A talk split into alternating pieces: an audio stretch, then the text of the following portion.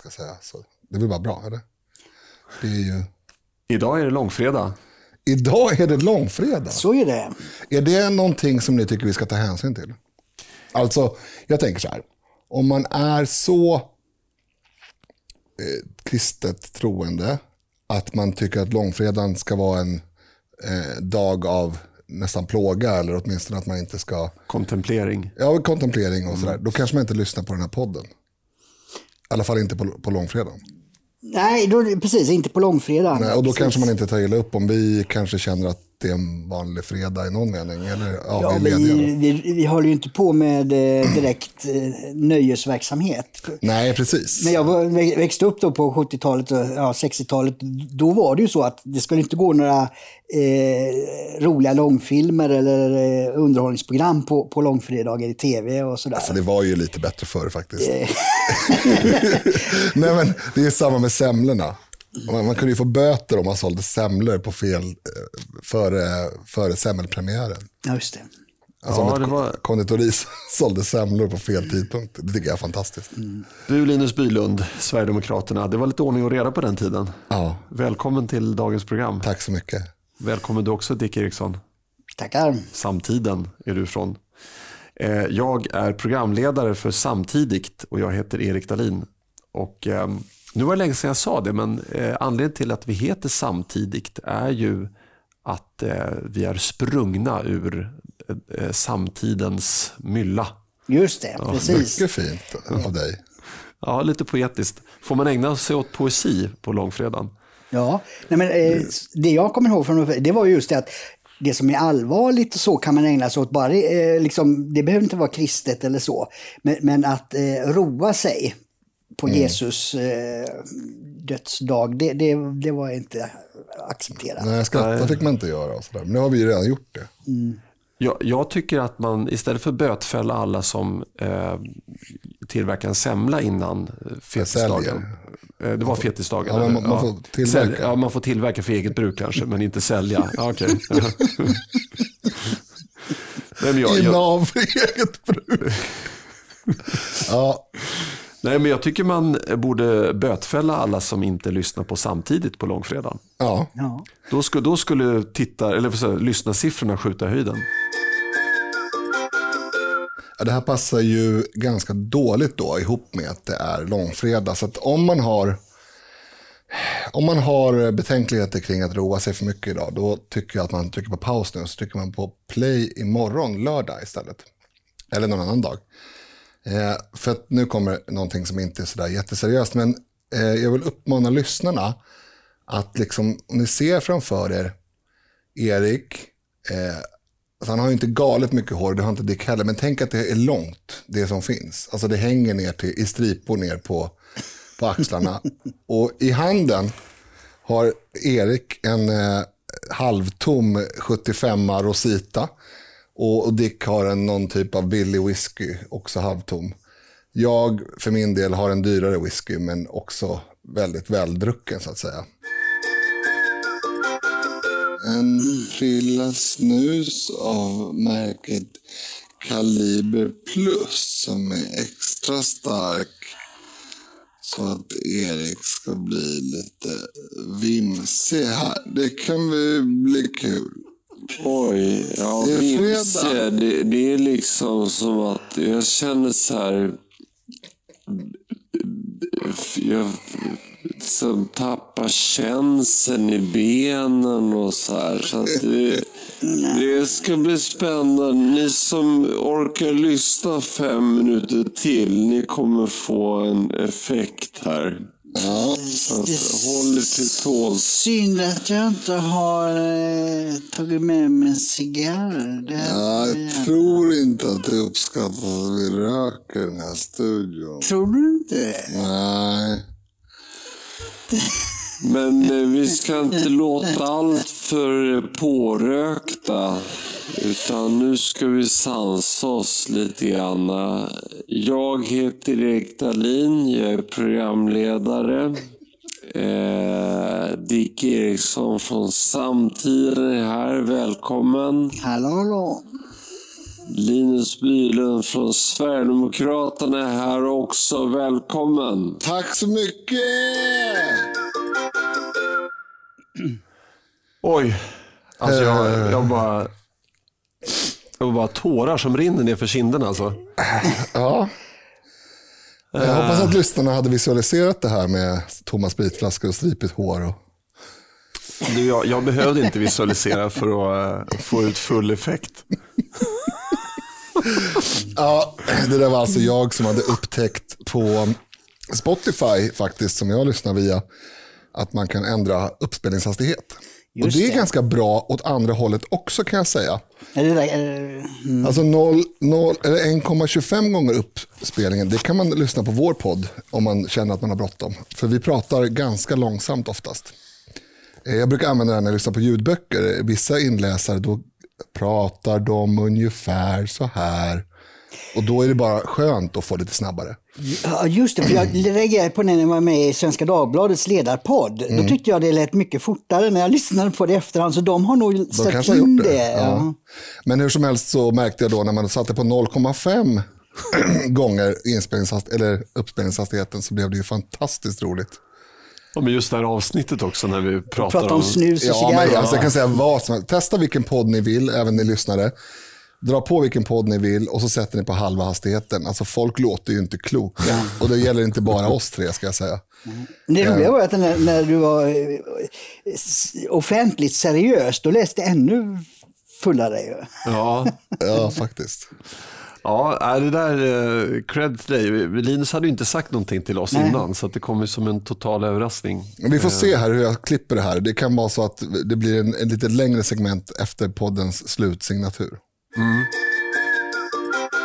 Jag har som så ofta en liten tes eh, att eh, experters auktoritet kan komma att devalveras i Sverige på grund av hanteringen av coronakrisen.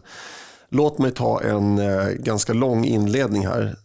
Så passa på att ta en tupplur eller vad ni vill göra. Jag kollar Facebook tror jag. Ja, men gör det. Gör det. Du, sig, du måste i och för sig snappa upp det jag säger. Ja, just så att, ja. Okej, ehm, ja, låt mig till en början måla upp en händelsekedja. Det börjar med att eh, Anders Tegnell i början av eh, eller förlåt, i januari, jag tror i slutet av januari, så börjar han uttala sig om det nya coronaviruset. Bland annat i Aftonbladet den 24 januari. Citat. Av den information vi fått hittills verkar det inte ge lika många dödsfall som sars eller mers. Vidare säger han inte är lika smittsamt som sars eller mers. Den svenska sjukvården är informerad och vet vad den ska göra. Det finns rutiner. svt.se 27 januari så står det så här. Folkhälsomyndigheten ändrar inte rekommendationerna för personer som varit i områden som drabbats av coronaviruset. Detta trots rapporter om att viruset kan spridas redan under inkubationstiden. De uppgifterna är närmast på ryktesnivå, säger statsepidemiolog Anders Tegnell.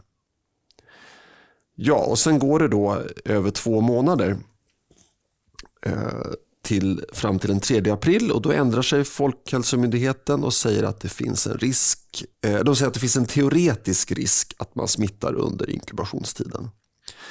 Hur som helst, jag skulle kunna rada upp ännu fler citat som Tegnell fällde i ett tidigt stadium eh, och som han har fått backa ifrån. Eh, bland annat om när kulmen skulle nås. Eh, men bara dessa uttalanden som jag nyss har citerat förtjänar ett stort mått av kritik även om han vid varje uttalande garderar sig genom att lägga till uttryck såsom vad vi vet nu och ifall vi får ny information kan vi komma att ändra oss. Så nästa steg i den här händelsekedjan eh, inträffar på en presskonferens om det aktuella coronaläget i början av mars. Där hostar nämligen Anders Tegnell i sina bägge händer vilket går stick i stäv med myndighetens egna rekommendationer om att man ska hosta i armvecket. Det här filmklippet sprids sedan som en löpeld genom sociala medier och givetvis fanns det säkerligen några idioter där ute som passade på att framföra ett dödshot mot Tegnell. Men det fanns också rättmätiga gliringar och rättmätig kritik. Som jag redan har nämnt gjorde Tegnell utsagor i januari som visade sig vara uppåt väggarna. Och när han nu hostade i sina bägge händer så antar jag att det brast för folk i stugorna.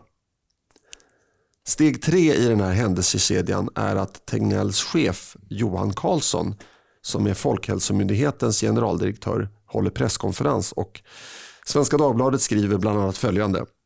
I den allmänna uppståndelsen kring krisen har mycket kritik riktats mot statsepidemiolog Anders Tegnell. Något Johan Karlsson tycker är obefogat. Ja, men, men, eh, men självkritiken, den lyser med sin frånvaro. Det var min spaning. Mm. Det här är en myndighet, den här Johan Carlsson fortsätter då, citat. Det här är en myndighet som arbetar med lägesanalyser. Eh, ja, min kommentar till det, alltså vadå, hur läget är exakt nu. Men varför uttalar sig Tegnell då om framtiden? Om, mm. de, om de hanterar nulägesanalyser. Mm. Men det är här felet är. Ja, eh, precis. Bra. Men jag har bara, det är bara ungefär 45 minuter kvar på min mm. utläggning. Ja, men jag ska kan, ta en... Ja. Rösta hunden. Ja, men det, så här, ingår det här i uppdraget också? I så fall är genomförandet inte till belåtenhet kan jag låta hälsa som trogen skattebetalare. Eh, Ja, eh, vidare då så skriver Svenska Dagbladet, eh, Johan Carlsson tror att Tegnell hanterar kritiken bra. Och så säger han, men jag tycker det är ovärdigt när riksdagsledamöter och personer i det offentliga bara spottar ur sig massa dumheter. Eh, Exempel på det? Ja men exakt, vänta lite här nu. Är det någon som spottar sig ur dumheter så är det väl hans egen statsepidemiolog. Jag har faktiskt aldrig bevittnat något liknande. Det skulle vara Bagdad-Bob i så fall. Men precis som du säger, säger Linus, eh, det, det, var väl ingen som spottade ur sig dumheter. Det var ju kanske någon, vad vet jag, som kanske då delar den här videon. Mm. På, på honom själv. Är, är det en dumhet att dela en video där han, där han själv håller presskonferens? Om det var en liksom, dold kamera i hans, i hans hem, då kan jag förstå att det, att det var dumhet att dela det. Men eh, att, att dela, ja. Men i alla fall, Eh, ett litet lackmust, lackmustest på att jag faktiskt har rätt i min analys är att Lena Melin på Aftonbladet några veckor senare, närmare bestämt den 21 mars, skriver en hyllningskrönika till Tegnell. Med kirurgisk precision lyckas hon förvisso undvika att nämna något om Tegnells förmåga att förutspå händelseförloppet i en pandemi. Hon tror på riktigt att Tegnell är på väg att bli nationalidol hon anför bland annat Tegnells rekommendation att alla som kan, särskilt i Stockholmsområdet, ska jobba hemifrån. Lena Melin glömde dock att nämna att samme Tegnell bara veckor tidigare hade avfärdat Spotifys initiativ att låta personalen jobba hemifrån efter det, eftersom det fanns en jämlikhetsaspekt att ta hänsyn till. Nu är jag klar. Jag tycker att det här är fullkomligt, det, det är en parodi. Mm. Ja, alltså, grundproblemet här är ju att statsepidemiologen är, han är då vetenskapsman och den här epidemiologiska eh, kunskapen eh, är han då en, en, framstående expert på. Men han kan ju ingenting om kommunikation ut till allmänheten. Och det är inte heller hans jobb att, att, vara det, men han har ändå körts fram mm. och är den som frontar eh, regeringen och, och statsapparaten utåt. Och det här tycker jag är någonting som verkligen behöver analyseras sedan. För att min bedömning här i EU analys är att varken Stefan Löfven eller någon annan minister då som eh, Mikael Damberg då som är chef över det här eh, kris och katastrofkansliet eh, inte vill skylta med sina ansikten för, för corona. Och då låter man eh, honom ta smällen. Och det, det, det, det, men, men, men det är helt fel. Otroligt dåligt skött. Alltså, jag vill ändå försvara Tegnell i det, egentligen i samma anda som, som Dick var inne på. Det är inte hans jobb att gissa offentligt. Och det borde han själv ha förstått. Ja, alltså det är ju det nästa steg kommer in. Ja. Att han, han borde, men det är ju det, är man inte eh, skolad i kommunikation. Han är ju inte politiker. Han har aldrig varit eh, strävat efter att Nej. delta i debatter och skriva artiklar och sånt. Utan han håller på med sina virusar och, och sitter på laboratorium och analyserar och håller på. Och så helt plötsligt så öppnar sig Han- han alla skulle- kameror. Och då tänker inte han på det. Jag behöver inte svara på alla frågor. Nej, och sen har dessutom media, eh, återigen en, en gammal käpphäst för mig att kritisera, har ju valt att klickmaximera snarare än att ge en, en liksom bild av vad som sägs. För att eh, många av de här citaten från Tegnell, de efterföljs av eh, att han inte är he- helt säker och, och så vidare. och så vidare. Han säger det här är vad jag tror skulle kunna hända eh, och så vidare. Så att det finns ju, det finns ju trestegsraket här. Det är ju, det är ju regeringens oförmåga att ta i den här krisen själva. Det är Tegnells oförmåga att eh, uttrycka sig på ett kommunikativt bra sätt. Och det är svensk medias klåfingrighet och eh, vad ska vi säga, eh, girighet i att få så många klick som möjligt och, och piska upp en sån, sån eh, hetsk stäm, stämning som möjligt. Det är ju de tre i kombination som har skapat det här. Eh, Tegnell skulle säkert kunna vara en rådgivare till någon som tog beslut.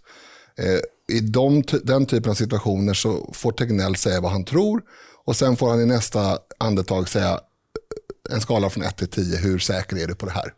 För att det, det är den typen av, alltså han är ju precis som en meteorolog eller något annat, de kan aldrig vara 100% säkra. Men en statsapparat, en regim, eh, en regering måste ju vara, ta höjd för, om nu Tegnell säger, jag tror inte att det här kommer spridas i Sverige, det är mycket möjligt att han trodde det. Eh, och, och det kanske var relevant att han trodde det. det kanske, den information som han hade kanske gav det vid handen. Eh, men om man, om man inte hade sagt det i media, om man bara hade sagt det till Löfven att Hör du, jag tror inte att det här kommer smittas. Då hade motfrågan blivit, hur säker är du på det här? Ja, då skulle han kanske sagt eh, 60 procent, eller vad, vad det nu kan vara. Ja, då skulle jag då som Löfven, om jag var Löfven, säga, då vidtar vi åtgärder för att det antagligen kan bli så. För, för du är inte helt säker. För jag tror inte att han har varit helt säker på någonting. Och det är liksom inte hans jobb att vara helt säker. Nej, och de största misstagen tycker jag begicks just i början där. För att eh, jag fick eh, eh, en telefon i ansiktet i helgen här om, om att, titta vad han sa. Och då, då var det Karlsson, då, eh, generaldirektören, en stor rubrik, jag tror det var på Svenska Dagbladet här. Smittan kommer inte till Sverige. Alltså, man intog massa vad säger, jag, väldigt, eh, eller sa citat som kunde tolkas som väldigt eh, säkra i början, som visade sig sen vara fel. Va? Och då har man ju liksom undergrävt sin trovärdighet. Va? Ja, och, men jag, jag, jag skulle kunna ställa upp på, på Linus eh, beskrivning här att eh, han inte har tänkt sig för och att, och att eh, media då plockar upp de här guldkornen och liksom belyser dem. Men om det var så, då skulle jag, om jag hade varit i Tegnells kläder eller, eller i folkhäl- suttit på, på chefsposition på Folkhälsomyndigheten, då hade jag gått ut med en dementi dagen efter på eh, Folkhälsomyndighetens hemsida. Eh, ja, det här som vi uttalade oss om i tidningen, det var spekulationer. Det är visst så att det här eh, viruset som härjar nu i Kina kan bli en pandemi. Eh, och så att iaktta försiktighet, speciellt om du är på resande fot i Kina eller sådär. För att man måste ju inse att det han håller på med, det är inte väderprognoser. Det är inte så att om, om, om man säger att ja, det kommer nog regna om, eh, om tio dagar och så gör det inte det. Det är inte så att det, det är fara för, för liv då. Men om han går ut med, med, en, med en spekulation kring att det här är inte alls farligt, då kan det ju faktiskt bli farligt. Absolut. Och, och, det, det är det, Och- och, han nu epidemiolog, om han är en nördig epidemiolog, då borde han förstå det. Precis, jo, men det, det, alltså det här med kommunikation kan ju också slå åt andra hållet. För att det, det normala är ju att, att man är eh, försiktigare och mer dyster än vad man skulle behöva vara för att just ta, ha en marginal. Men här blir det ju så, när just det är smitta, då kommer det här risken med panik in i bilden också. Och det, det, det gör ju att det här hade verkligen behövt eh, skickliga kommunikatörer som kan, eh, eller ledare är det ju, som måste göra det här, så, som kan liksom balansera just försiktigheten men att vi behöver inte hamna i panik. Alltså det det jag där är- menar. Alltså, eh, Tegnell ska ju vara en part, en del, eller Tegnell, det spelar ingen roll om det är han, men statsepidemiologen ska ju vara en part i ett samtal som tillsammans kommer fram till hur ska vi kommunicera det här på bästa sätt mm. för att vi inte ska sprida onödig panik. Mm. Vi ska inte eh, ska säga, sprida onödig trygghet heller. Alltså man ska Nej. inte sprida falsk trygghet. Och, och, det är en balans mellan de två. Eh, och visa att vi har saker under kontroll. Det är de liksom, tre sakerna man måste göra. Nu har man agerat så att alla tre förloras. Alltså, mm.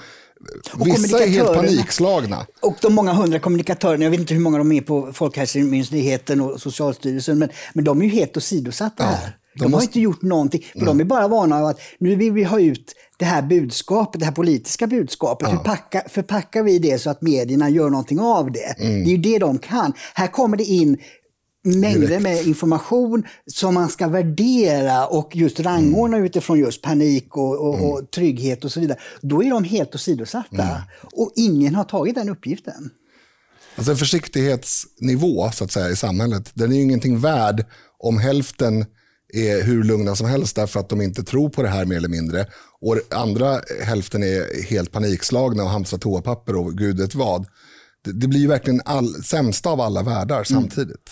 Alltså jag, jag, tycker att de som uttalar sig då, som Lena Melin till exempel, eh, jag, jag, tycker att de har så svårt att skilja på det här med prediktioner och eh, råd som mm. Folkhälsomyndigheten gör. Alltså det är som om jag skulle gå till en läkare med ett, eh, ett kraftigt skrubbsår eh, på knät. Och så säger läkaren, ja, ehm, det här kommer vara helt borta om en vecka. Då kommer du bara ha lite sårskorpa. Eh, men ta den här salvan och kleta på. Ja, så går det några dagar och det här såret blir bara mer och mer infekterat. Går tillbaka, du, det, det, nu har det nästan gått en vecka här och det, det gör ont och det liksom blir bara mer och mer var. Och, ja, men förstår du, om, om en vecka till så kommer det här vara helt borta. Så ta en nu kan du ta den här salvan. Alltså, det, det på, om jag ska lita på hans råd att ta den här salvan.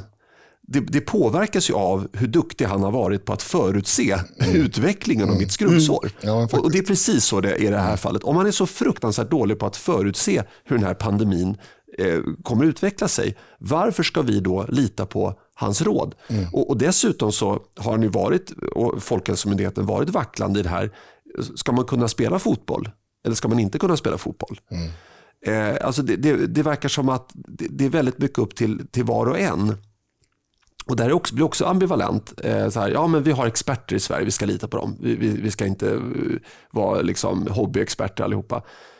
Ja, men det, det är ju det de kräver att vi ska vara. Mm. För vi ska ju lita på vårt egna omdöme. Det, det, finns ju inga klara linjer, förutom det här att man får inte samla mer än 50 personer och sådär. Men om jag frågar Folkhälsomyndigheten, men ska jag gå och äta middag ikväll? Ja, det beror på om det är långt mellan borden eller hur. Alltså det, jag blir helt, ni som lyssnar på den här podden, just jag det hör mig själv att det låter väldigt upprörd nu. Men det där finns det nog baktanke ja. med. Eh, sen får ju tiden utvisa om det är bra eller inte, men baktanken med det här är nog att man ska göra det som, som man sa öppet att man skulle göra först. Alltså att se till att, att den här smittan sprider sig men inte explosionsartat. Och då kan man inte ge för tydliga råd utan då måste man ha en, en rebellisk grupp som inte bryr sig så mycket. Eh, och så måste man se till att de som faktiskt ligger i en svår riskgrupp och att faktiskt avlida, att de förstår allvaret och så vidare. Jag tycker man skulle ha sagt det rakt ut istället i så fall. Eh, och det, och det, jag har inga synpunkter på den teorin eller på den strategin av den enkla anledningen att vi inte vet ännu om, det här spelas in på tisdagen ska jag säga. Eh, det är också vik väldigt viktigt att vi säger det, därför att det kan hända saker mellan idag och fredag när vi sänder det här eh, som vi skulle framstå som helt galna om vi inte tog upp i det här avsnittet. Till exempel så ligger Boris Johnson eh, på sjukhus. Just det. Och, Brittiske premiärministern, ja. Mm. Precis, så vi håller alla, alla tummar ja. i nuläget för att det här ska gå väl, men det kan också gå väldigt illa. Så det, ja, det är mycket som inte är helt klart. Nej, och, och, jag vill ta fasta på det du sa. Vi vet ju inte, alltså det, det, vi, det vi kan säga med ganska stor säkerhet det är ju att Sveriges taktik kontra våra grannländers taktik har ju renderat i fler dödsfall på kort sikt. Ja, det är på kort sikt, absolut. Ja, men, men vi vet precis som inte. du säger, vi vet inte hur det ser ut om ett år. Nej, precis. Alltså, mm. Norge gick ut på just tisdagen och eh, sa det att man har coronaepidemin eh, under kontroll. Mm. Och eh, det, det, har man gjort genom att göra ett antal tester runt om i landet som visar på att man har nu, eh, nu smittar en person 0,7 andra personer och det betyder att då minskar ju smittspridningen mm. så att säga. Men så var man ju tvungen att lägga till det, men det betyder ju att det är ganska få i Norge som är smittade. Mm. Och det gör ju att det kan komma igång en ny eh, runda av smittspridning. Mm.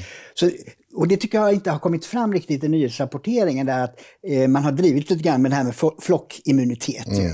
Men, men det är ju det att om väldigt många eh, eh är eh, smittade, särskilt de då som inte blir så sjuka, då har man ju skapat eh, grunden för en, en, att verkligen på sikt också dämpa. Mm. Och flockimmunitet är ju inte av eller på, utan det finns ju någon sorts magisk gräns där vid ett antal procent, jag vet inte om det är 60 procent eller någonting, där det, där det mer eller mindre stoppar en smitta. Men men även en mindre andel immuna individer gör ju att smitta, smittspridningen dämpas. Mm. Men, men, jag vill egentligen bara poängtera att man kan inte utföra det här förrän det är klart. Därför att om, om Sverige, om vår kurva så att säga vänder neråt och vi lyckas få en, en så pass stor flockimmunitet att det här inte är ett hot som återkommer, då, då får ju Sverige ett försprång gentemot andra länder som kommer slåss med, mot det här mycket längre.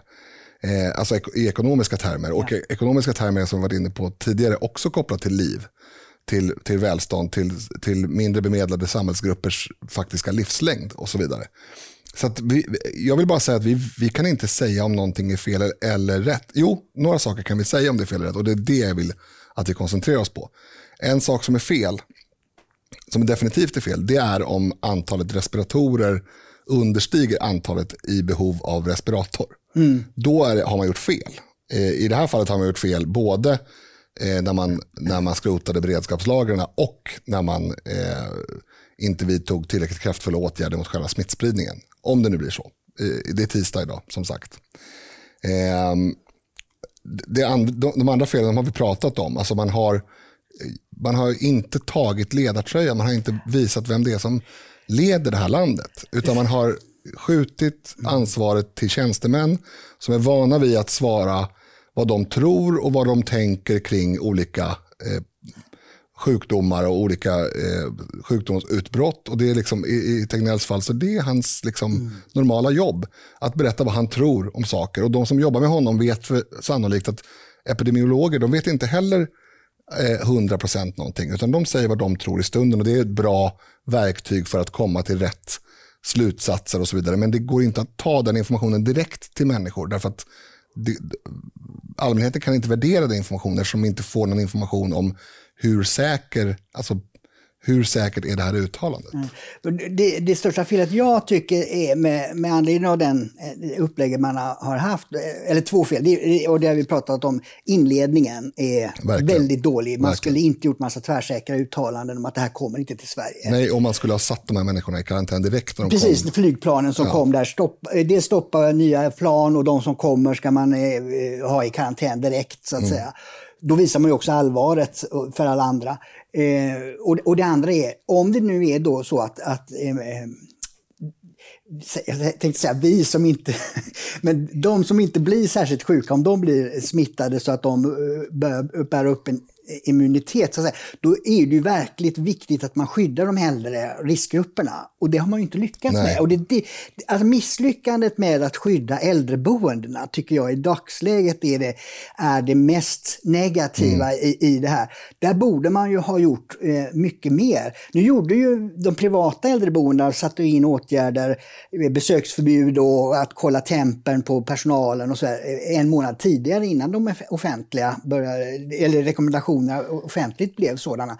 Men även där är ju då en tredjedel eh, av, av de boende smittade nu. Mm. Och, och, det tycker jag är, är, är verkligen någonting som man måste gå till botten med. Hur kan det ha skett? Om man har besöksförbud, om man kontrollerar personal, hur kan då smittan ändå ha hamnat där? Den lite vidare diskussionen då om tron på experter, eh, kan den få sig en törn eh, i och med den här krisen? Och det är inte bara den här krisen kanske, utan eh, det, det, är ju gång på gång. Nu har jag inget bra exempel bara för ja, men Jag kan ta några bra exempel. Ja. Vi har ju hört i 20 år att migration är lönsamt. Ja, exakt. Just det. Precis. Med experter. Ja. Och, Ekonomer som råkar vara betalda av liksom, socialdemokratiska rörelsen. Sandro Scocco till exempel. Till exempel. Ja, precis. Ehm, men å ena sidan, man verkar ju lyssna på en del experter, men, men min spaning här det är att det är experter som på något sätt är betalda av staten eller eh, den socialdemokratiska rörelsen. Man lyssnar ju till exempel inte på skatteexperter eller, eller ek- ekonomer som, skulle, som säger att eh, Sverige skulle må bra av en, ett lägre skattetryck på arbete. Nej. Det, det lyssnar man inte Men det, på. det är nog mer för att de inte får den typen av... Eh, alltså, jag vill slå ett slag för äldre vita män här. Eh, jag tror att, och det gäller även kvinnor, även om jag inte har sett något exempel i pandemifrågan, men människor, vi pratade om, om eh, årsrika människor eh, förra, i fredags, I onsdags. i onsdags menar jag. Ehm, alltså jag tror att en människa som, som verkar vara ärlig och resonerande och har en viss pondus kommer att ha förtroende även i framtiden. Eh, jag tror att det, det här med titlar och vad regeringen har utsett för person hit eller dit, det kommer vara mindre intressant. Eh, jag tycker till exempel att han, vad heter han, Giesecke, Just det, för- förre före detta, epi- ja, just det. Ja, han ger ju ett, jag, jag lägger ingen vikt vid vad han har sagt i- i nuläget, men han ger ju ett intryck, mycket mer, ska vi säga, pondusartat intryck än, än den här vir, virpellen eh, Te, Tegnell. Inte, jag, är, jag är egentligen ingen, jag, jag vill inte lägga någon personlig kritik mot Tegnell i det här, för jag tycker att han har satts på fel jobb helt enkelt. Alltså, han är ju över 60 vad jag vet. Jag tror han är född 58. ja, precis. Så att eh, när du säger äldre. ja, är inte Giesecke äldre? Jo, han är pensionerad. jag han det trumfar ju en jämförelse. Jag tror det Nej, ja, men, men jag la till med pondus. Ja, mm. Med pondus. Alltså det känns som att det finns en ärlighet, en livserfarenhet, en vilja att vara någorlunda transparent. ehm, och inte liksom skjuta för mycket från höften. Men, men, men det, där, det där är med mediabilden. Alltså det är, man skulle kunna diskutera just hur olika personligheter fungerar i tv. Framförallt är det tv och radio. Men- och, så, men, och, och där är det ju så att Giesecke, han har en formuleringsförmåga som är att han, han i ganska kort mening säger någonting som i sig är balanserande. Det går liksom inte, även om man bara tar den meningen, så skap, driver man inte, kan man inte journalister driva den åt men ett eller annat håll. Medan Tegnell gör just öppna uttalanden och då kan man vrida det hur som helst. är Så han, väldigt- han är en väldigt mycket mer säger, medial person, Giesecke, alltså, eh, på sitt, med sitt sätt att tala. Håller med, men jag tycker också att det är också väldigt besläktat med pondus. Ja, alltså, jo, det- För det finns en, det finns en rutin och en själv, ett självförtroende som inte är skadligt. Alltså, eh, ja, ni fattar. ja, men jag, jag tror... ehm, Jag, kan dra en parallell. Jag tror att om man skulle göra ett eh, blindtest var fel ord, men ett, ett, eh, test på att eh, Leif GW Persson skulle göra ett uttalande som var helt åt helskotta rent faktamässigt. Och en eh, em, 30-årig nyexaminerad eh, kriminolog, eller 25-27 år eller vad man kan vara, eh, säger, samma, eller säger någonting som är helt sant så är det inte helt omöjligt att referensgruppen då i det här eh, påhittade testet tycker att GV hade rätt. Ja, absolut. Jo, men jag, det, det ligger någonting i vad, vad du säger. Eh, Men, men jag, eh, jag är också rädd för att det här blir lite politiserat. Alltså varför, varför vill Lena Melin eh, göra, eller varför tror hon att Anders Tegnell kommer bli en nationalidol? Han ska, han ska lyfta sossarna. Hon tror inte. Ja, och det för, för, förmodligen, förmodligen för att han eh, la in den här jämlikhetsparametern. Nej, jag, tror att det, jag tror att det är en strategi rent allmänt. Att man kör fram Tegnell och, och lyckas han, och då kan man blåsa upp honom som hjälte och så är det då tack vare att Stefan Löfven har släppt fram honom. Ja. Misslyckas det här och han blir en bov, då kommer Stefan Löfven säga ja, det, det, vi kunde inte ana att han hade så fel. Alltså, då, Mm. då, skulle, då kommer de att skapa distans. Så att det, det, genom att skjuta fram en statstjänsteman eh, så har regeringen möjlighet att backa och försöka ta sig ur eh, olika lägen som man inte vill hamna i. Ja, det är fruktansvärt fegt. Ja. Alltså, det påminner ju en del om Tjernobyl faktiskt. Där sköt man också fram människor som inte hade kompetens nog att utföra arbetet. Och sen var det deras fel att det gick åt skogen. Ja, alltså, jag skulle vilja se, vilja se en transparens här. Ta till exempel det här uttalandet om att han inte då kunde ställa upp på Spotifys eh, rekommendation här att, att låta de anställda jobba hemifrån därför att eh, det finns ett jämlikhetsproblem. Det vill säga att alla har inte ett sånt jobb på den höga nivån där de kan jobba hemifrån. Och eh, vem är det som tycker det här? Är det Anders Tegnell privat som, som tycker att jämlikhet är viktigt? Är, är det hans chef som tycker att det är viktigt och har givit honom eh, de eh, direktiven? Är det, står det någonstans i Folkhälsomyndighetens uppdrag att man ska ta in jämlikhetsaspekten? Jag, Och- jag har läst någonstans att eh, det har funnits ett resonemang eh, om att för att eh, få alla eh, i samhället, eller ja, så många som möjligt, att ställa upp på de rekommendationer som ges så måste de vara eh, belasta alla lika mycket. Alltså det, det, det, det är ju en sorts jämlikhetsideologi som har funnits med i diskussionerna kring hur, hur hur saker och ting ska presenteras. Läste jag, jag kommer inte ihåg var det var någonstans. Eh, och att det är därifrån han har fått det. Men det, om det ligger någonting i det, då är det ju ett, i det långsiktiga arbetet, det är ju inte i den akuta situationen. Nej, precis. Alltså, vad han gör i det fallet, det spelar egentligen ingen roll var det kommer ifrån, utan han frångår ämnet. För ämnet är inte jämställdhet. Ämnet är hur man... Jämlikhet. Jämlikhet. Ämnet, ämnet är hur man stoppar eller dämpar smittspridningen.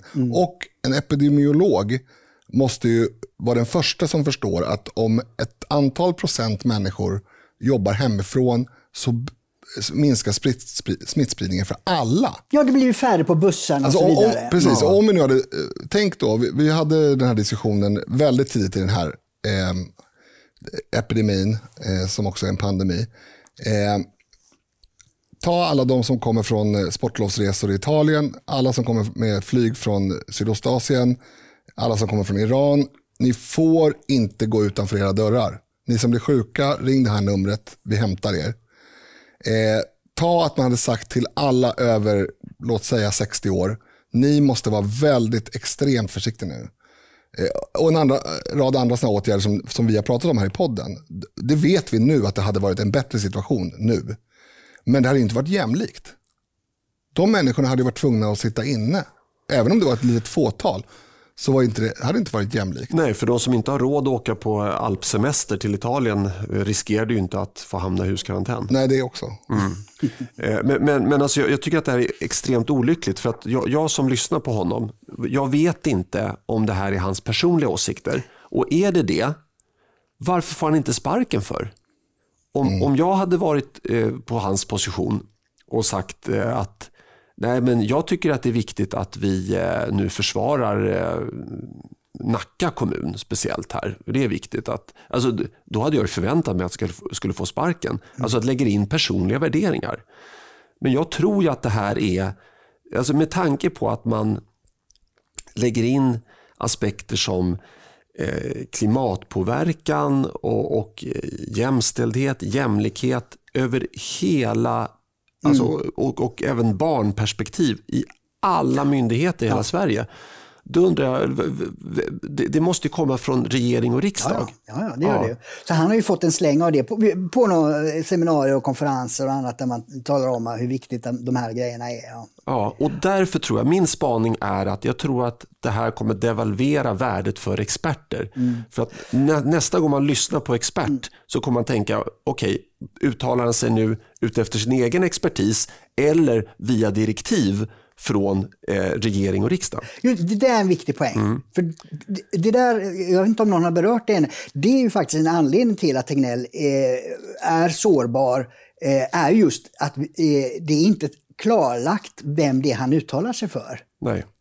Utan han står där på ett podium eh, på, på en myndighets eh, scen och uttalar sig. Och vi vet ju faktiskt, precis som du säger, inte om det är eh, det som är sanktionerat eller om det är bara expertis eh, som kommer fram. Mm. Och det, det, det, det är ju också en grund i kommunikation. Så kan man inte ha det. Man måste veta den som uttalar sig måste man veta vad den har för, för bevekelsegrunder. Ja, för du kan inte via lag tvinga medborgarna att lita på experter. Nej. Utan det här Nej, är... det måste man visa. Ja, den, den, den, Och, och också mm. därför är det ju viktigt att det, det skulle varit en för, förtroendevald politiker. Och, och, I Sverige så har vi en regering som är det högsta organet som tar kommandot i den här situationen. Det, det är det som fattas. Ja, och det är bara de som också kan göra avvägning mellan olika intressen. Exakt. De skulle kunna lyssna på Folkhälsomyndigheten när det gällde risken för folk att dö och så skulle de kunna lyssna på Ekonomistyrningsverket eller något annat Ja, men verk. exakt. Det är det jag är ute efter hela tiden. Och ha, liksom det är in... inte bara en epidemi epidemiologisk fråga, det är en massa frågor. Nej. Det är ungefär som Precis. om vi skulle bli eh, utsatta för ett, för ett väpnat angrepp i Sverige. Att vi skulle låta någon liksom läg, något lägre befäl hålla, hålla presskonferens om, om vad vi ska göra hela tiden. Det blir jättekonstigt. Nej, men egentligen borde ju Folkhälsomyndigheten sagt från början, ja vi kan bara rekommendera att stänga gränsen nu. För vi vet inte det här. Det kan, det kan bli en pandemi och då borde ni stänga gränsen nu. Eh, Eller så kanske inte blir det, men vi kan bara rekommendera, vi måste ha ett försiktighetsperspektiv. Och sen får ju regeringen och högst upp statsministern värdera de olika, okej om vi stänger gränsen, vad kommer det betyda för alla företagare? Vad kommer det betyda för turistindustrin och så vidare? Och precis, det där är också en viktig poäng. För det har ju varit omvänt nu. Att när Stefan Löfven har stått på scenen och har sagt i enlighet med rekommendationer från myndigheterna. Alltså han har underordnat sig myndigheterna. Ja. Och, och de uttalar sig, men, men, och politiken kommer vid sidan om och lite grann efteråt och hänvisar till, istället för att det är tvärtom. Att politikerna ska ta greppet om det och kalla in de experter som behövs för att kunna ge en, en samlad bedömning. Ja, och jag vet fortfarande inte ifall Folkhälsomyndigheten väger in jämlikhetsaspekter, ekonomiska aspekter eller vilka aspekter de lägger in i sin folkhälsobedömning. Och det är ju illavarslande för jag tycker att jag försöker följa med rätt bra i, i samhällsdebatten och är förhoppningsvis normalbegåvad. Jag kom att tänka på Isaac Newton i veckan av två skäl. Om jag frågar er så här. Skulle ni ha sett Isaac Newton som en expert inom naturvetenskap i allmänhet och mekanik i synnerhet ifall ni hade levt i slutet av 1600-talet? Isaac Newton det var han som uppfann att saker ramlar i golvet. Ja, Så det var jävla han. onödig grej att eh, upptäcka. Det var, ja, uppfann, ja precis. Gravitationen. Ja, precis. Innan dess så flög äpplen uppåt, eller vad sa du? Ja, antagligen. Ja. Ja, men precis. Ja, men det var en retorisk fråga, men självklart var ju han sedd som en auktoritet och expert eh, i slutet av 1600-talet. Då. Mm. Men då kan jag berätta att ungefär 150 år senare, i mitten av 1800-talet, så började vetenskapsmän upptäcka att vissa naturfenomen stred mot Newtons gravitationsteori. Ytterligare cirka 50 år senare lyckades en man vid namn Albert Einstein visa att Newtons teori inte var helt korrekt. Skulle ni säga att Anders Tegnell borde åtnjuta högre respekt för sina teorier om smittspridning i Sverige våren 2020 än Isaac Newton åtnjöt för sina teorier på 1600-talet? Nej. Nej. Hur kan det då vara så kontroversiellt att ifrågasätta Tegnell, speciellt när det går att bevisa att vissa av hans gissningar slagit helt fel? Eh, det tog 200 år innan ett supergeni lyckades bevisa att Newton hade fel. Men redan idag kan en lågbegåvad person med tillgång till internet visa att Tegnell hade fel för bara några veckor sedan och ändå litar vissa i Sveriges befolkning blind på denna människa. Hur är det möjligt? Alltså jag måste bara säga det här som, som naturvetenskapsintresserad och eh, vetenskapsorienterad. Eh, eh, Einstein kom ju på att under vissa förhållanden så, så stämde inte Newtons eh, teorier. Det var ju precis det jag sa. Jag, jag, jag, jag säger Ja, men inte att han Newton hade han- helt han- fel. Nej, precis. han hade nej, inte nej. fel, han Nej, nej. kompletterade. Ja, exakt. Men exakt. svaret på din fråga är psykologi. Alltså det är så att, att man behöver i ett land när det är en sån här krissituation eh, skapa samling för att också då dämpa panikkänslorna. Och då kanske det är så att man får vänta med en del kritik eh, tills man har klarat det värsta skeendet så att säga. Jag håller till exempel tillbaka en del grejer i, i tidningen för att jag tänker det här, det här, sånt här kan man ta eh, när vi har passerat kulmen och antalet döda per dag eh, går ner ordentligt. Eh, så det, det, är, det är lite psykologi också i det där. När, när ska man framföra sin kritik? Jag håller med om det, men inte när det gäller kritik som eh, mot eh, fel som faktiskt förvärrar situationen. Alltså det vi har pratat om det är ju saker som, i alla fall mångt och mycket, förvärrar situationen. Vi kan inte göra ogjort att man inte stoppade planen, eller rättare sagt människorna på planen från smittoområden att gå ut i samhället och, och agera spridare. Det, det, kan vi inte göra någonting åt och det, det, det blir jättekonstigt att ställa någon till svars för det nu. Mm. Däremot att man gång på gång går ut med uppgifter som man inte har på fötterna kring och ökar på eh, ena, ena sidan, nu är jag svartvit, men ena sidans panikkänsla och andra sidans känsla av att det här är ingenting. Det är ju mitt emellan man måste ligga och det, det, det är, inget, det är liksom inte en, det är inte en längdmätning här. Är, man kan inte ta ett snitt och säga att, för att om hälften har panik och hälften skiter i det, då är det ju bara skit. Ja, nej men alltså, det, min, min poäng här det var ju att på samma sätt som de här vetenskapsmännen, då, det var inte eh, Albert Einstein utan det här var innan honom. Då började vetenskapsmän i mitten av 1800-talet ifrågasätta teorierna som Isaac Newton. Alltså i vissa naturfenomen stämde inte överens med, han, med Newtons teorier. Och på samma sätt så tycker jag att man måste ha en, en vitaliserande och, och liksom en, en, eh, intellektuell debatt i samhället. Mm mm. Eh, utan att eh, liksom någon skriver hyllningskrönikor på en av Sveriges största tidningar och, och ska liksom ja, i princip helgonförklara den här ja. personen. Alltså det, det, det är så... Utan vi, vi måste få ifrågasätta, vi måste få diskutera.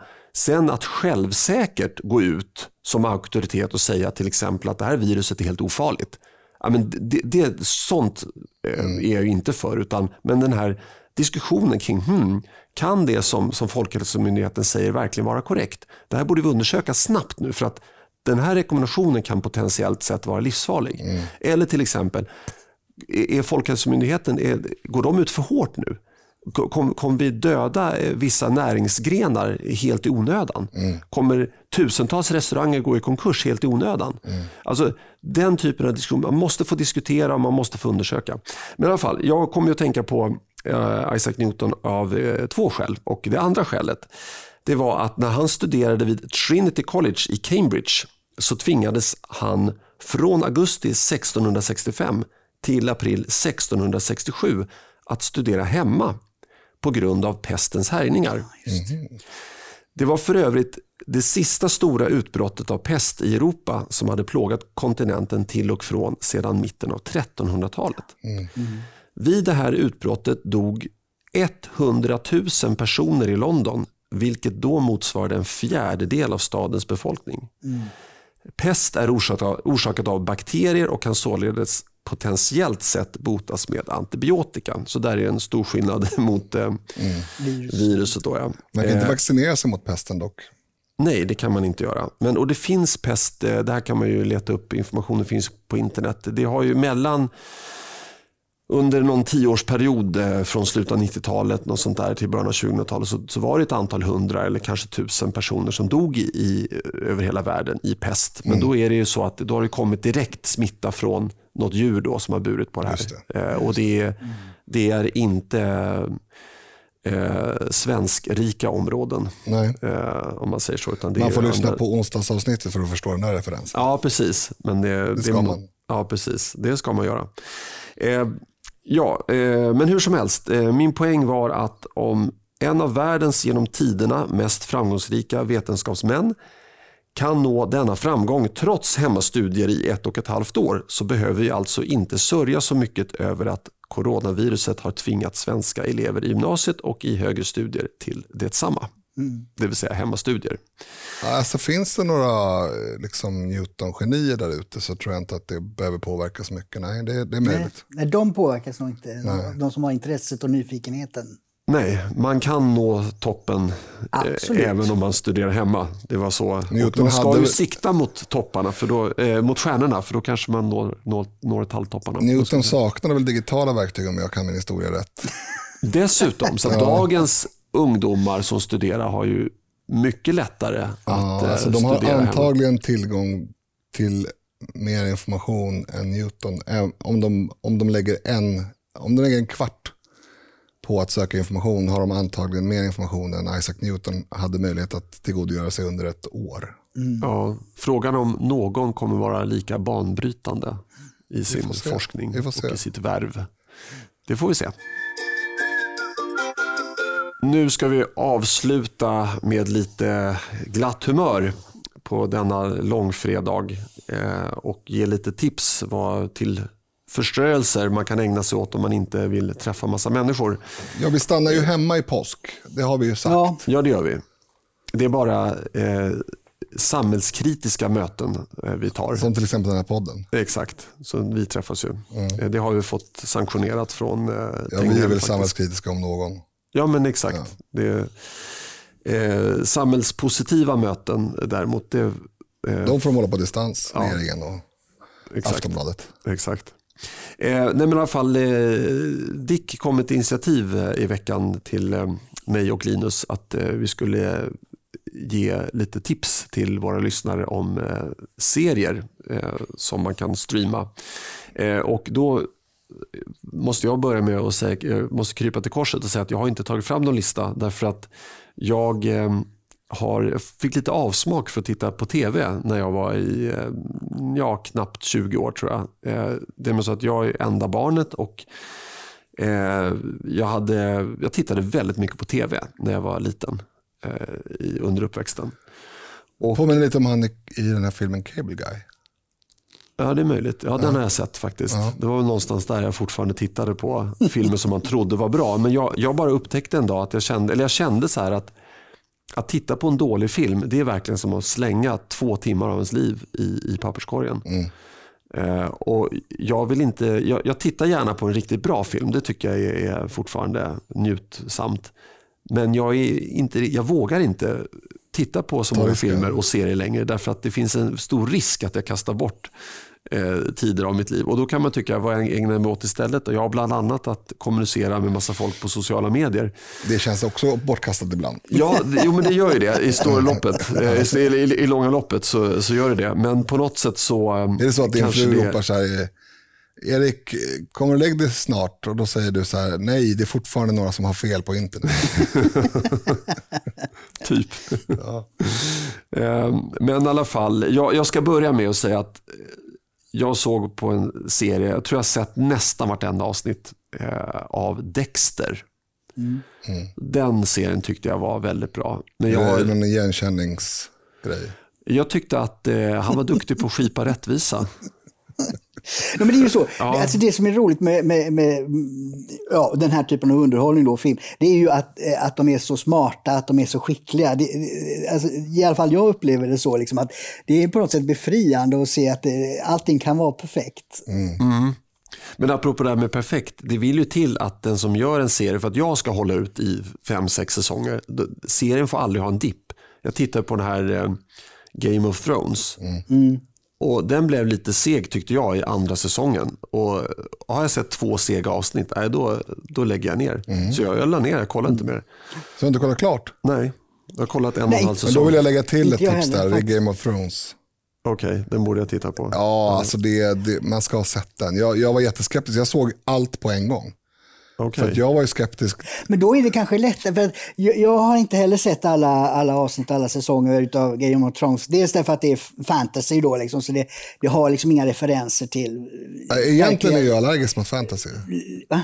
Egentligen är jag Ja, allergisk precis. mot...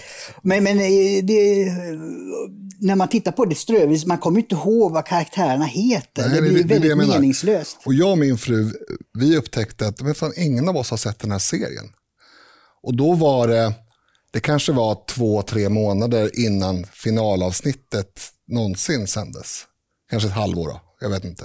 Men det var, var perfekt, för vi kunde kolla alla säsonger när vi hade tid över på kvällar och sådär. Eh, och det var i princip ingen väntan för oss, utan vi, vi såg de här avsnitten. Ja, och då var karaktärerna aktuella. Ja, de var aktuella hela tiden och vi följde med det här i, i, ja, dagligen i princip. Och, sen, så, och då var det ju en hype då när, när eh, får man säga hype?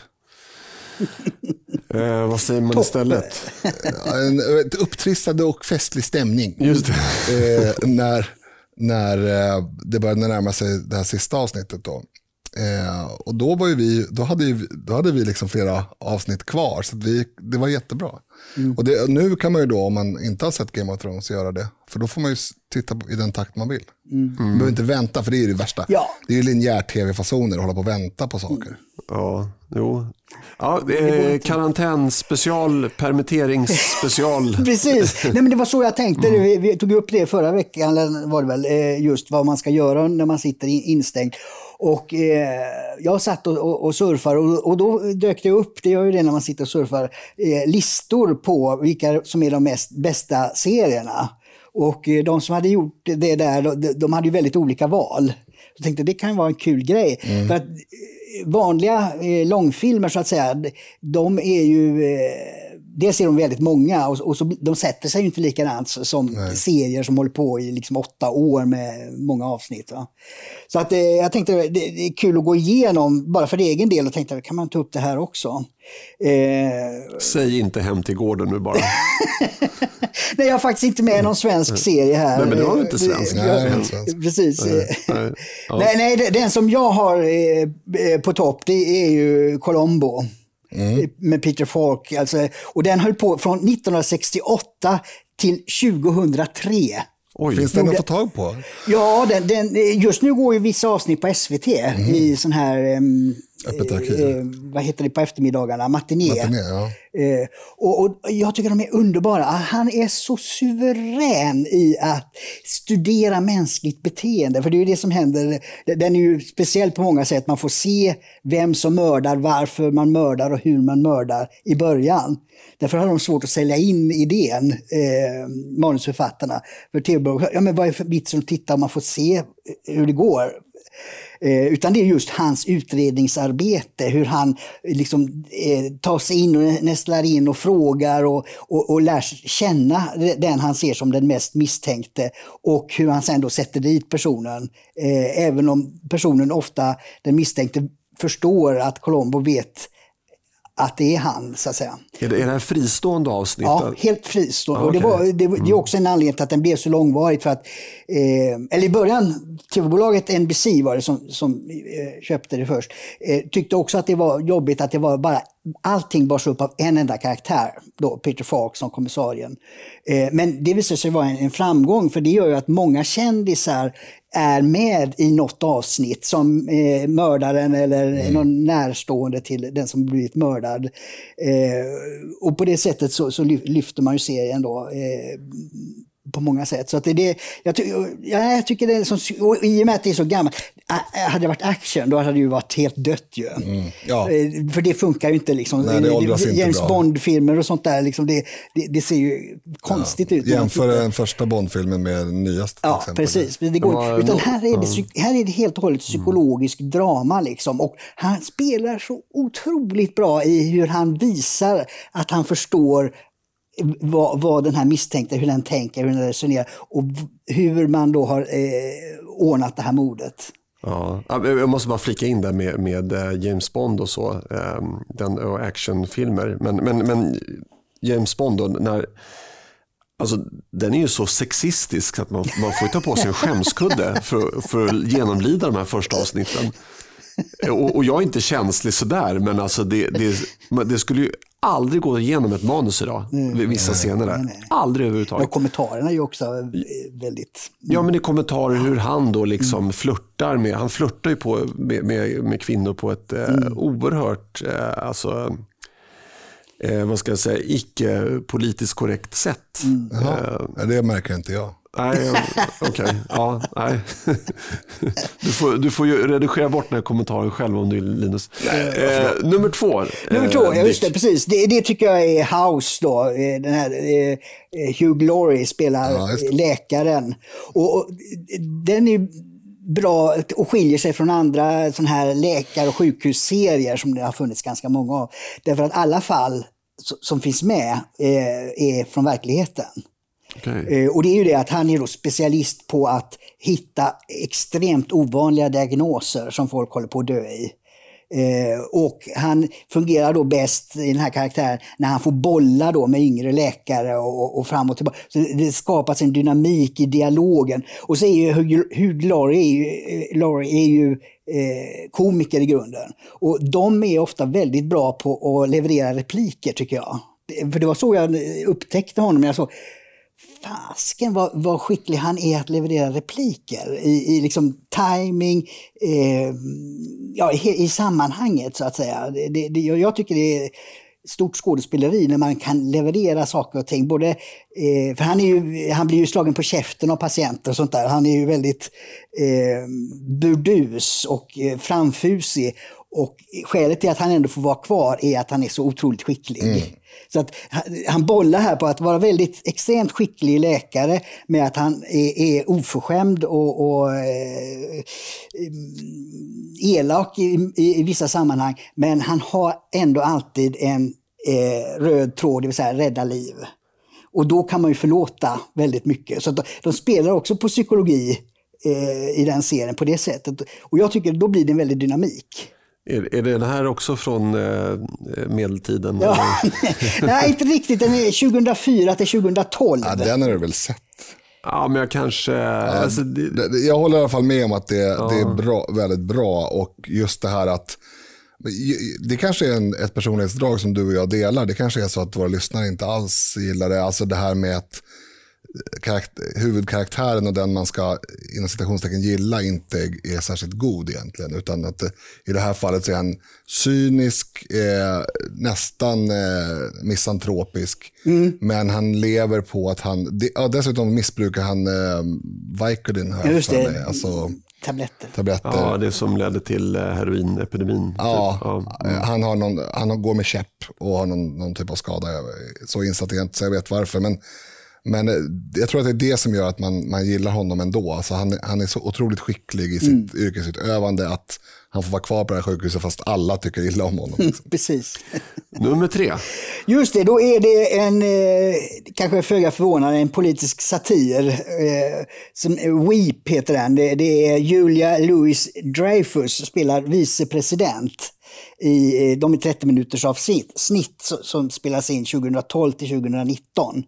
Eh, och jag tycker hon är också suverän på att eh, leverera repliker och manuset är väldigt bra. För det är gjort innan eh, Trump blev presidentkandidat, började de spela in de här. Och jag tycker att man ser där, för hon driver ju då med hur falska politiker är. Liksom hur, hur, man ska fjäska för väljarna, vad ska jag säga nu för att folk ska gilla mig? Och så, så fort man stänger det, oh vad äckligt! Alltså den här dubbelmoralen, den cynismen som finns inom eh, eh, politiken på många håll avslöjar hon på ett suveränt sätt. Så man förstår verkligen varför Donald Trump blev vald när man ser på den serien. Mm. Så eh, kära lyssnare, ge er ut i helgen till närmsta loppmarknad och försök få tag på de här. ja, just det. Jag borde kolla. Men jag tror att de streamas en hel del av de här, även ja. om de är gamla. Annars så går de att få tag på VHS-kassett just det, på det närmsta det. loppmarknad. Skulle jag tro. Eh, nej men, eh, jag ber om ursäkt för min raljanta ton där. Men, men, eh, det är du som håller på med CD-skivor och MP3-filer och lägger in i något arkiv du har va? Ja. Jag vill bara kolla. Ja, jo, det, det stämmer. Men, Men jag, har du kvar din gamla 45-varvare? Uh, ja, det har jag. Jag tittade, tog fram en idag och tittade uh. på faktiskt. Uh, det var en tumd med uh, The Night of the, of the Vampire. Där kan man hålla fingret mot... Samlingsex. Man kan hålla fingret mot skivan så låter de fulla. Ja, det kan man göra. Ja. Eller så kan man ju spela 45-varvare på 33 varvs ja, hastighet. till exempel. Ja. Då kan man spela baklänges och då får man ett satanistiskt budskap. På, eh, fyllebudskap då. På vissa. Ja. Linus, dina tre. Ja, mm. jag, jag har lite fler än tre tror jag. Men, men alla mina går att streama, tror jag. Eh, jag har sett dem nyligen i alla fall, ganska nyligen. Det jag tittar på nu, på Netflix, heter Peaky Blinders. Eh, från Eh, utspelar sig i början av 1900-talet i London, eller Birmingham faktiskt. Ja, ja, delvis det. London. Eh, jag är inte klar med den serien så jag ska inte säga att, jag att, att den som helhet är bra. Men hittills är den i alla fall väldigt fängslande. Också en huvudkaraktär som är en jäkla gangster Mm. som man egentligen då i en normal traditionell film ska tycka illa om men, men kommer, att, kommer att börja gilla. Ehm, jag ska inte gå in på massa detaljer men se den, den är, den är väldigt bra. Men Var gick det någonstans? Den går på Netflix.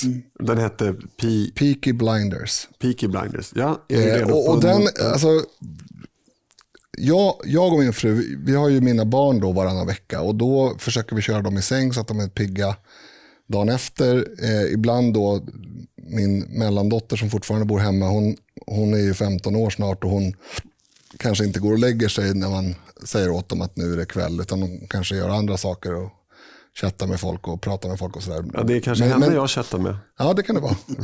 Eh, hoppas jag verkligen inte. Eh, men då blir det i alla fall en stund varje dag som man bara vill varva ner. Man sätter sig i soffan och, och ofta blir det då att vi kollar på serien. Men en annan, Eh, eller jag ska säga två andra sven, svenska produktioner som eh, jag tror att många kan ha missat, som jag i alla fall hade behållning av. Jag, jag höjer dem inte till skyarna, men de är, de är sevärda. Och det är serien Jordskott med bland annat Göran Ragnerstam, som är en, en liten favorit faktiskt. Jag tycker han är jätteduktig skådespelare, Göran Ragnerstam. Eh, och också den svenska produktionen Ängelby, som, eh, där eh, vad heter de, Mia Skäringer spelar huvudrollen. Eh, och gör det ganska bra faktiskt. Jag, hade, jag var lite Är skeptisk. det där hon är frisör eller? Eh, nej, Nej. Eh, det gör hon inte. Eh, hon, hon flyttar från, eh, från Stockholm på grund av en otrohetsaffär. Hennes man flyttar iväg någonstans, tar jobb någonstans med sin älskarinna tror jag. Det är bara en bi, bihandling. Men, men hon flyttar till, eh, till den här byn Ängelby då, som man under seriens gång får förstå att hon har viss anknytning till, fast hon inte vet om det. Och det, fram, det här framgår också i den här synopsisen som står eh, på serien, så att jag spoilar ingenting. Men den är, den är in, intressant. Jag tycker att det, även när det inte är superbra underhållning så finns det eh, ofta aspekter som gör att man får tänka till lite och sådär. Det var, är- num- det var nummer tre i ordningen va? det var nummer tre. Ja. Och sen har jag två bonusar. Eh, en film, och den tror jag pratat om förut, Den tolfte mannen. Om man inte har sett den, då bör man se den. Det är den här... eh, Det, det intressanta med den här filmen är att i inledningstexterna så säger man det som jag ska säga nu. Eh, och ändå så är den intressant. Alltså, det är 13, eh, 12 sabotörer som tar sig... Alltså, no- norrmän utbildade i Storbritannien för att sabotera för, för nazisterna på norska Ja, kusten. just det. Mm. Eh, tar sig med en, en båt över eh, och ska sabotera saker i Norge. Men de blir stoppade i princip direkt och 11 av dem grips. Och det här handlar om den tolfte då som kommer undan. Och man får i inledningsskedet veta att, att det är 12 män, sabotörer då som kommer i land och endast en överlever. Det är liksom inledningstexten och då, då kan man tänka sig att det blir det inte så jäkla spännande den här filmen. Tänkte i alla fall jag. Men jäkla vad de har fått till det, tycker jag. Jag tycker att den är också väldigt nationalromantisk på ett positivt sätt. De visar hur... Ja, och den visar ju den här spänningen som finns, för det är ju andra världskriget. Ja. Ju, så att, med, när man har en ockupationsmakt, att, att hur farligt det är att gömma folk, för det kan finnas tjallare och det, det kan bli, eh, det kan ju komma en trupp. lite, lite faktiskt eh, känslan av Bröderna Lejonhjärta när, när de här, eh, jag vet inte om ni kommer ihåg när den här um, Allan Edwall-karaktären tar sig an Skorpan och, och säger, säg att du är min morfar. Eh, det är lite samma grej, en ockupationsmakt som är ute efter att liksom, eh, sätta skräck i civilbefolkningen och sådär. Mm. Jag gissar att det kommer gå dåligt för nazisterna på slutet där, så det, den där filmen tänker inte jag se. Jag kan trösta dig med att eh, utgången på kriget blev utgången på kriget oavsett. Ja, just det. Jag vill inte Tyvärr. påminnas av det. Nej, jag, det var ett Eh, skämt. Ironi framgår inte i skriven media, men jag hoppas att den framgår i eh, lyssningsmedia. Fortsätt. Ja, jag vet inte, du får en poäng av tio på det där skämtet. Eh, nej Nej, men sen finns det ju en, en jäkligt kul grej på SVT som eh, framförallt är rolig för familjen. Alltså, man, man söker ju efter saker att titta på med flera åldrar ibland. Därför det, det blir, jag kan inte sätta på Peaky Blinders när jag, min fru och min, eh, faktiskt igår 12-åriga dotter, förrgår 12-åriga dotter, eh, sitter i soffan för att hon förstår ju inte det och plus att det är ganska våldsamt. Men däremot så finns det då ett program på SVT, jag tittar på eh, SVT Play och det är, eh, heter Bäst i test. Babben Larsson har någon konstig panel, alltså det, är- det är ett galet sånt här lekprogram med olika, eh, de utsätter deltagarna för olika tester. Det är alltid någon ny kändis med, det, det är en bisak, ibland är det en fantastiskt rolig kändis som till exempel, vad heter han, Appelgren? eh, Appel, eh, ehm, han eh, gift med Mannheimer, mm, Peter Appelgren. Eh, Vi får rätta i efterhand om jag har fel. Men eh, det, det är olika kändisar i varje program. Du tycker, du tycker det? Jag, jag, Det är fantastiskt Jag är, blir allergisk mot... jag blev allergisk första gången jag såg det, för då såg jag bara något litet segment. Men när jag satte mig ner och hade skäl att titta på hela med då, eh, 12-åringen i det här fallet. Ja, det är väl det som är Jag tycker att det, var, att det är ganska, eh, med de medlen och man lär känna karaktären. Hon, hon trakasserar sin bisittare eh, ganska mycket. Eh, David, nu kommer jag inte ihåg vad han heter i efterhand, efternamn. Men, eh, jag tycker att det, det är sevärt och framförallt om man har en ja, större åldersspridning. Ja. Ja, eh, vad ska jag säga om det här då? Eh, ni som inte har eh, dött av tristess senaste 20 minuterna, ni är förmodligen mer intresserade av tv-serier än vad jag är. Om man fann de här rekommendationerna helt värdelösa så går det alldeles utmärkt att gå in och kommentera eh, under avsnitten på eh, Facebook och Instagram. Eller inte bara avsnittsinlägg. Vi gör ju andra inlägg än bara rena eh, inlägg om våra avsnitt. Om man tycker att den där kvarten eller vad det nu kan ha varit var liksom totalt slöseri med tid, då kan man fakturera dig eller? Eh, vad kan man göra då? Nej, men då, då kan man skriva det. Då kan man mejla det till oss. Ja, på sluta prata skit. sam, precis, samtidigt att samtiden.nu. Man, man får vara anonym. säga.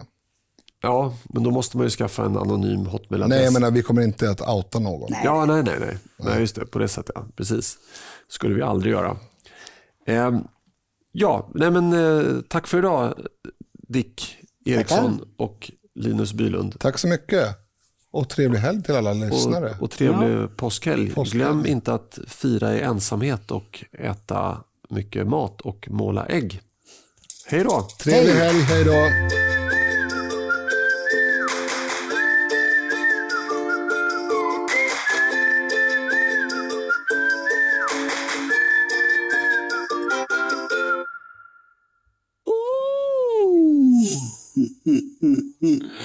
Jag ska förstärka effekten av fredagen. Jag ska nämligen sno eh, en snus av dig. Mm. Men du upp- uppmanar mig att, att eh, Ta sno, två. Ta två. Men då kommer jag omkomma. Jag är inte Nej, jag vill att du tar två för jag hatar när det blir ojämnt antal i min, snusdosa. Jag, jag får nästan kasta nu. Jag, kom, jag är ju totalt ovan. Du kan lägga den på bordet och så kan du... Jag tar den sen. Ja, du, ja, du brukar inte nikotin normalt. Nej, här kan bli verkligen inte. Jag, eh, jag får sån här liksom nästan... För eh, lyssnarna kan jag berätta att Erik nu har lagt in en frilla snus av märket Kaliber Plus som är extra stark. Så att Erik ska bli lite vimsig här. Det kan bli kul. Oj, ja, Det är vimse. fredag. Det, det är liksom som att jag känner så här... Jag, liksom tappa känseln i benen och så här. Så att det, det ska bli spännande. Ni som orkar lyssna fem minuter till, ni kommer få en effekt här. Ja. Håll er till tåls. Synd att jag inte har eh, tagit med mig en cigarr. Ja, jag tror inte att det uppskattas att vi röker i den här studion. Tror du inte det? Nej. Men eh, vi ska inte låta allt för pårökta. Utan nu ska vi sansa oss lite grann. Jag heter Erik Dahlin, jag är programledare. Eh, Dick Eriksson från Samtiden är här, välkommen. Hallå, hallå. Linus Bylund från Sverigedemokraterna är här också, välkommen. Tack så mycket!